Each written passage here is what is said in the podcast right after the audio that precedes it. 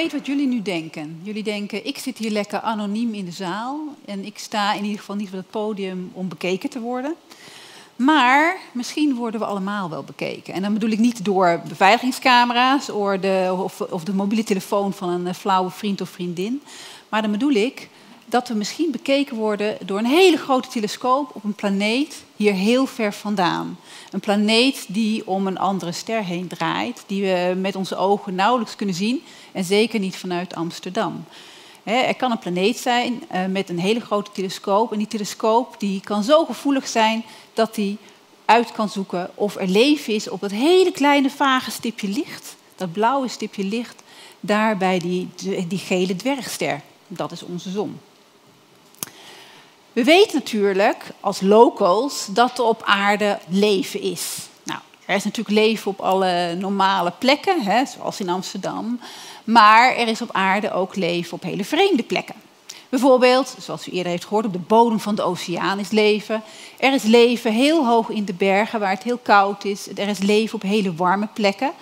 Uh, er is ook leven onder de poolkappen, heel diep daaronder, waar er eigenlijk geen licht is. Dus op aarde is eigenlijk overal leven, waar je ook komt. En de mensen vragen zich dus ook al heel erg lang af van, ja, is dat normaal? Zijn wij bijzonder? Is de aarde de enige plek in het heelal waar zoveel leven is? En die vraag werd helemaal belangrijk toen mensen zich realiseerden dat we eigenlijk met z'n allen op niet eens zo'n heel erg grote rotsige bol zitten. En die bol is niet het middelpunt van het heelal, dat was natuurlijk ook een teleurstelling.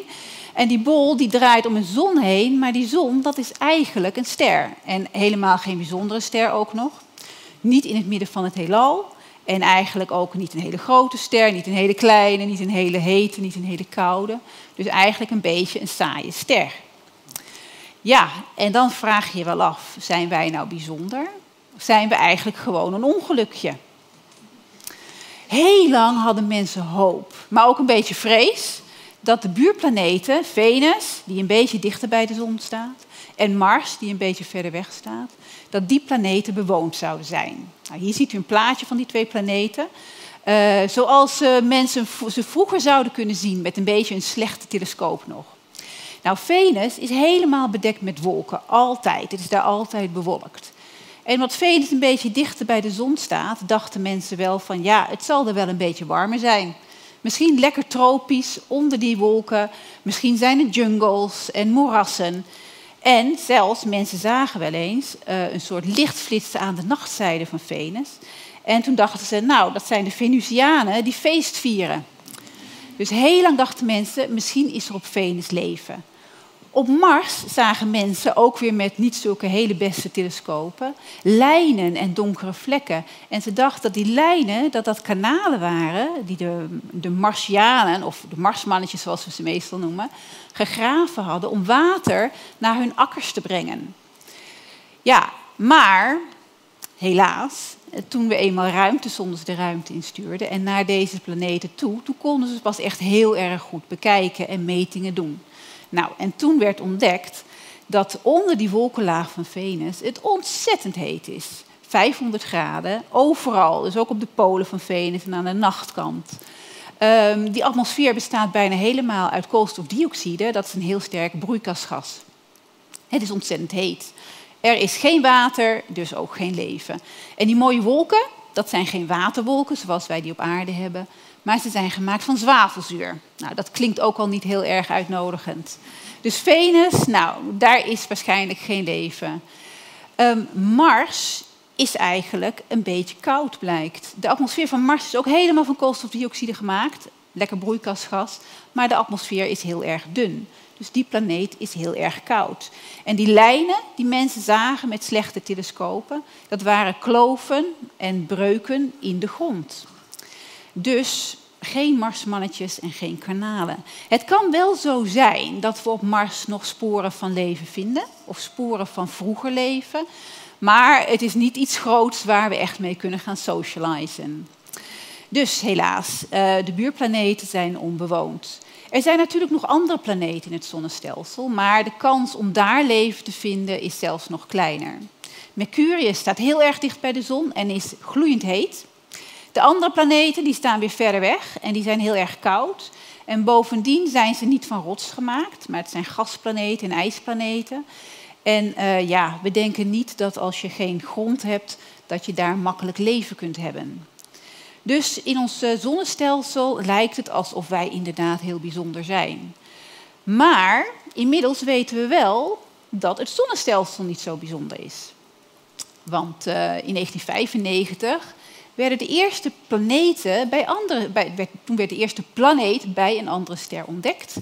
En inmiddels weten we, dankzij de statistiek, dat eigenlijk elke ster aan de hemel planeten heeft.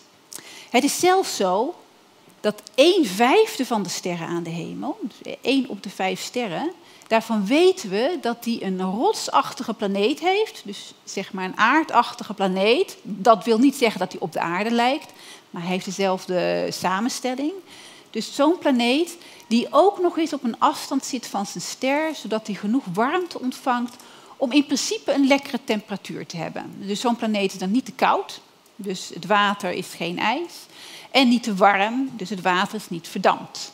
Nou, dat wil nog niet zeggen dat er water is op zo'n planeet, maar er zijn in ieder geval een hele hoop planeten die in principe water kunnen hebben. Nou, recent is er weer zo'n planeet gevonden. En uh, hier ziet u een plaatje van die planeet. Die planeet heet Ross 128b. Ross 128, dat is de naam van de ster. Dit is een, uh, een rode dwergster. Dat is eigenlijk een ster die veel kleiner is dan onze zon. Hij is ook heel erg zwak. Dus je kunt hem met je blote oog eigenlijk niet zien. En een meneer Ross die heeft op een gegeven moment die ster gevonden en hem in een catalogus gezet. En daarom is het Ross 128. Het was waarschijnlijk de 128ste ster in de catalogus. Nou, en die exoplaneten, dus die planeten bij andere sterren, die krijgen de naam van hun ster en dan een B of een C als ze de tweede planeet bij zo'n ster zijn. Dus dit is uh, Ross 128b. Nou, zoals u kunt zien, uh, zit er een uh, dunne atmosfeer omheen.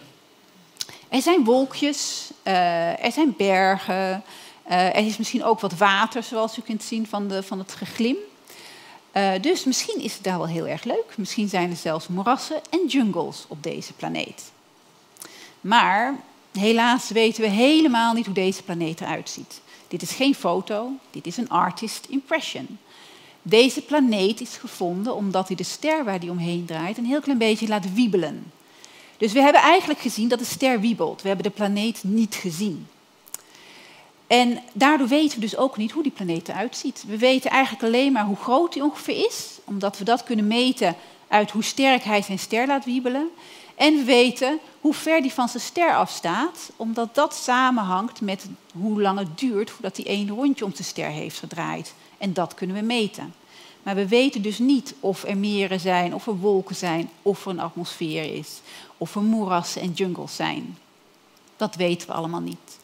En om daarachter te komen, moeten we metingen doen van licht dat aan zo'n planeet wordt gereflecteerd. Uh, als je sterlicht hebt dat op de planeet valt, en het, uh, het valt op de grond en het valt op wolken en het valt op de atmosfeer van zo'n planeet, dan worden er bepaalde kleuren licht worden er geabsorbeerd van dat sterlicht. En die kleuren die geabsorbeerd worden, die laten dus als het ware lijntjes achter in het licht van de ster. En dat is een vingerafdruk van de planeet. Daar is een voorbeeld van. Ja, dus dit is eigenlijk een tekening van de aarde. Je ziet zonlicht dat op de aarde valt. Het wordt gereflecteerd door de wolken, door de lucht, door de vegetatie en door de oceaan. En afhankelijk van waar het precies door wordt gereflecteerd, ja, verandert de kleur. Dus bijvoorbeeld de atmosfeer, de gassen om de aarde heen, die weerkaatsen vooral het blauwe deel van het zonlicht. En daarom is de lucht om de aarde heen blauw. Nou, als, als het morgen onbewolkt is, laten we het hopen, dan kunt u dat zien, de blauwe lucht van de aarde. Dat is dus verstrooid, gereflecteerd zonlicht. Wolken die reflecteren eigenlijk alle kleuren van het licht even sterk en daarom zijn ze wit. Behalve natuurlijk als je eronder zit en dan zijn ze vaak heel erg grijs omdat het licht er niet doorheen komt en ook heel erg nat de laatste dagen.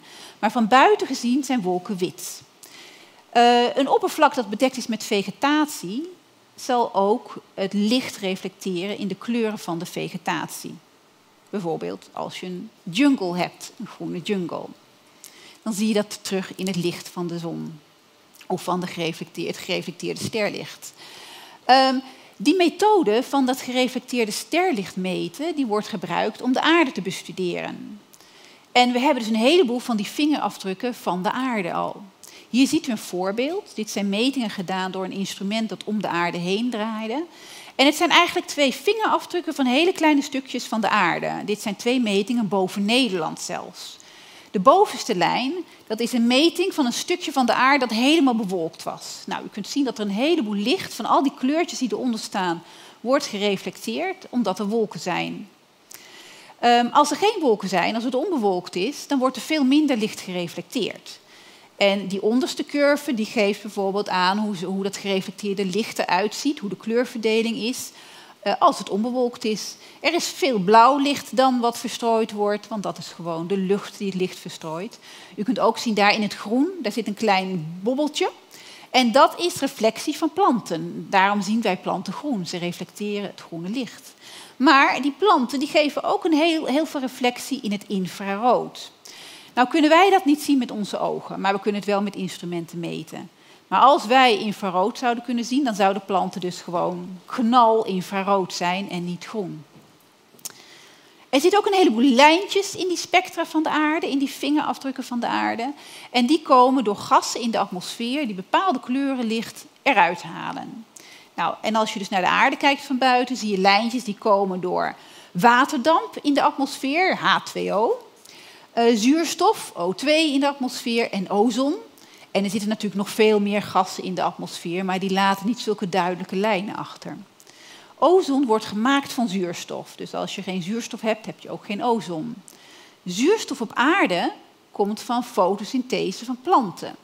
Dus als je geen fotosynthese hebt, heb je niet zoveel zuurstof. Er zijn wel bepaalde processen, geologische processen, die zuurstof kunnen maken. Maar we denken niet dat er processen zijn die zoveel zuurstof kunnen maken als we op aarde zien. Dat kan eigenlijk alleen door fotosynthese.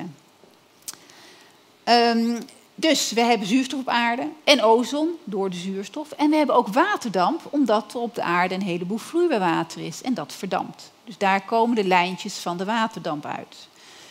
Venus en Mars, als je daar de vingerafdruk van zou meten, zou je dus niet die lijntjes van zuurstof en ozon en ook geen lijntjes van waterdamp zien.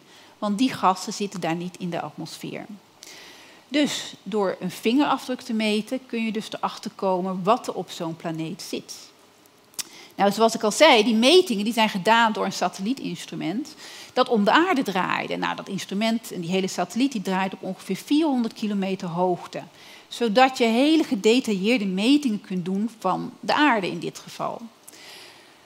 Hoe doe je nou dat soort metingen van een planeet bij een andere ster? Nou, dat is dus wel wat moeilijker, want om te beginnen krijg je daar natuurlijk veel meer, minder licht van, omdat je heel ver weg bent. Dus dat kan je niet met kleine satellietinstrumenten doen, daar heb je hele grote telescopen voor nodig. Nou, dit is een, ook weer een artist impression, dus een tekening van hoe het eruit gaat zien. Een hele grote telescoop die momenteel wordt gebouwd in de bergen van Chili.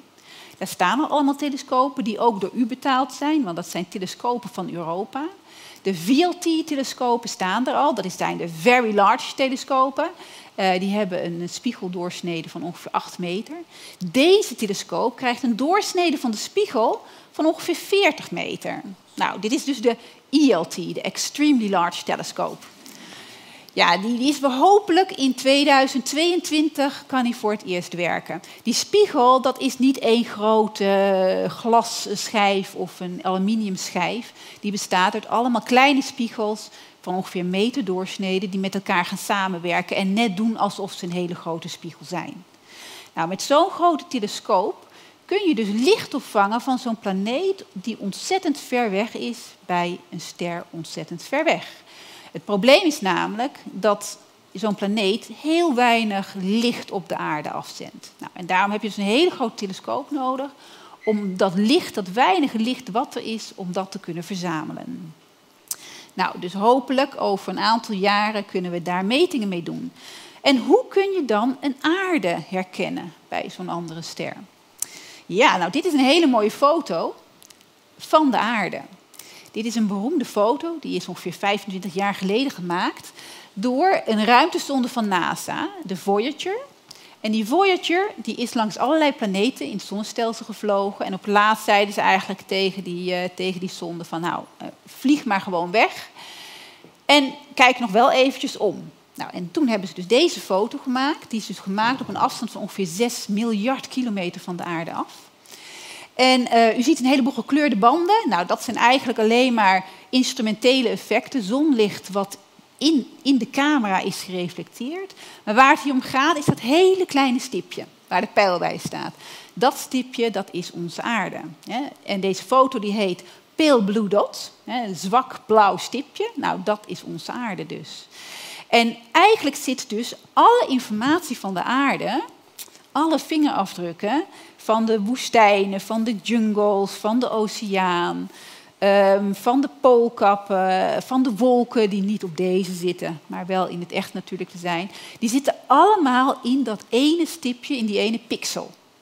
Nou, en als astronomen en planeetonderzoekers, dan probeer je dus uit zo'n stipje licht als je dat bij allerlei kleuren meet, probeer je dus die vingerafdrukken af te leiden van nou, de gassen in de atmosfeer. En zo kunnen we er misschien achter komen of er zuurstof is op een planeet ver weg of waterdamp. Nou, dat kan dus hopelijk uh, over niet al te lange tijd gebeuren. Maar, zoals u wel kunt zien met het hele kleine stipje, je kunt dus eigenlijk niks zien. Je kunt geen Chinese muur zien, je kunt geen deltawerken zien in dat stipje. Dus hoe herken je nou de aanwezigheid van een geavanceerde samenleving, een technologische samenleving. Dat valt eigenlijk niet mee. waaraan herken je mensen? Of als je een alien zou zijn, waaraan zou je ons herkennen? Eigenlijk kun je ons herkennen aan de manier waarop wij de aarde beïnvloeden. Bijvoorbeeld een onnatuurlijk groot gat in de ozonlaag. Of een gestaag toenemende hoeveelheid koolstofdioxide in de atmosfeer of een toename van de, de globale temperatuur op aarde. Het is een beetje pessimistisch, maar eigenlijk kun je ons herkennen aan de troep die we achterlaten. Dus um, ja, wat zijn dan de vingerafdrukken van een intelligente samenleving? Dat weten we natuurlijk niet. En misschien denken die aliens ook wel van, nou, daarmee willen wij niet socializen. Dus waarom is de aarde niet zo bijzonder? Nou, dat weten we eigenlijk niet. Misschien is die wel heel bijzonder. En met zo'n hele grote telescoop, die hopelijk over niet al te lange tijd uh, klaar is, kunnen we dus gaan uitvinden of de aarde bijzonder is of niet zo bijzonder.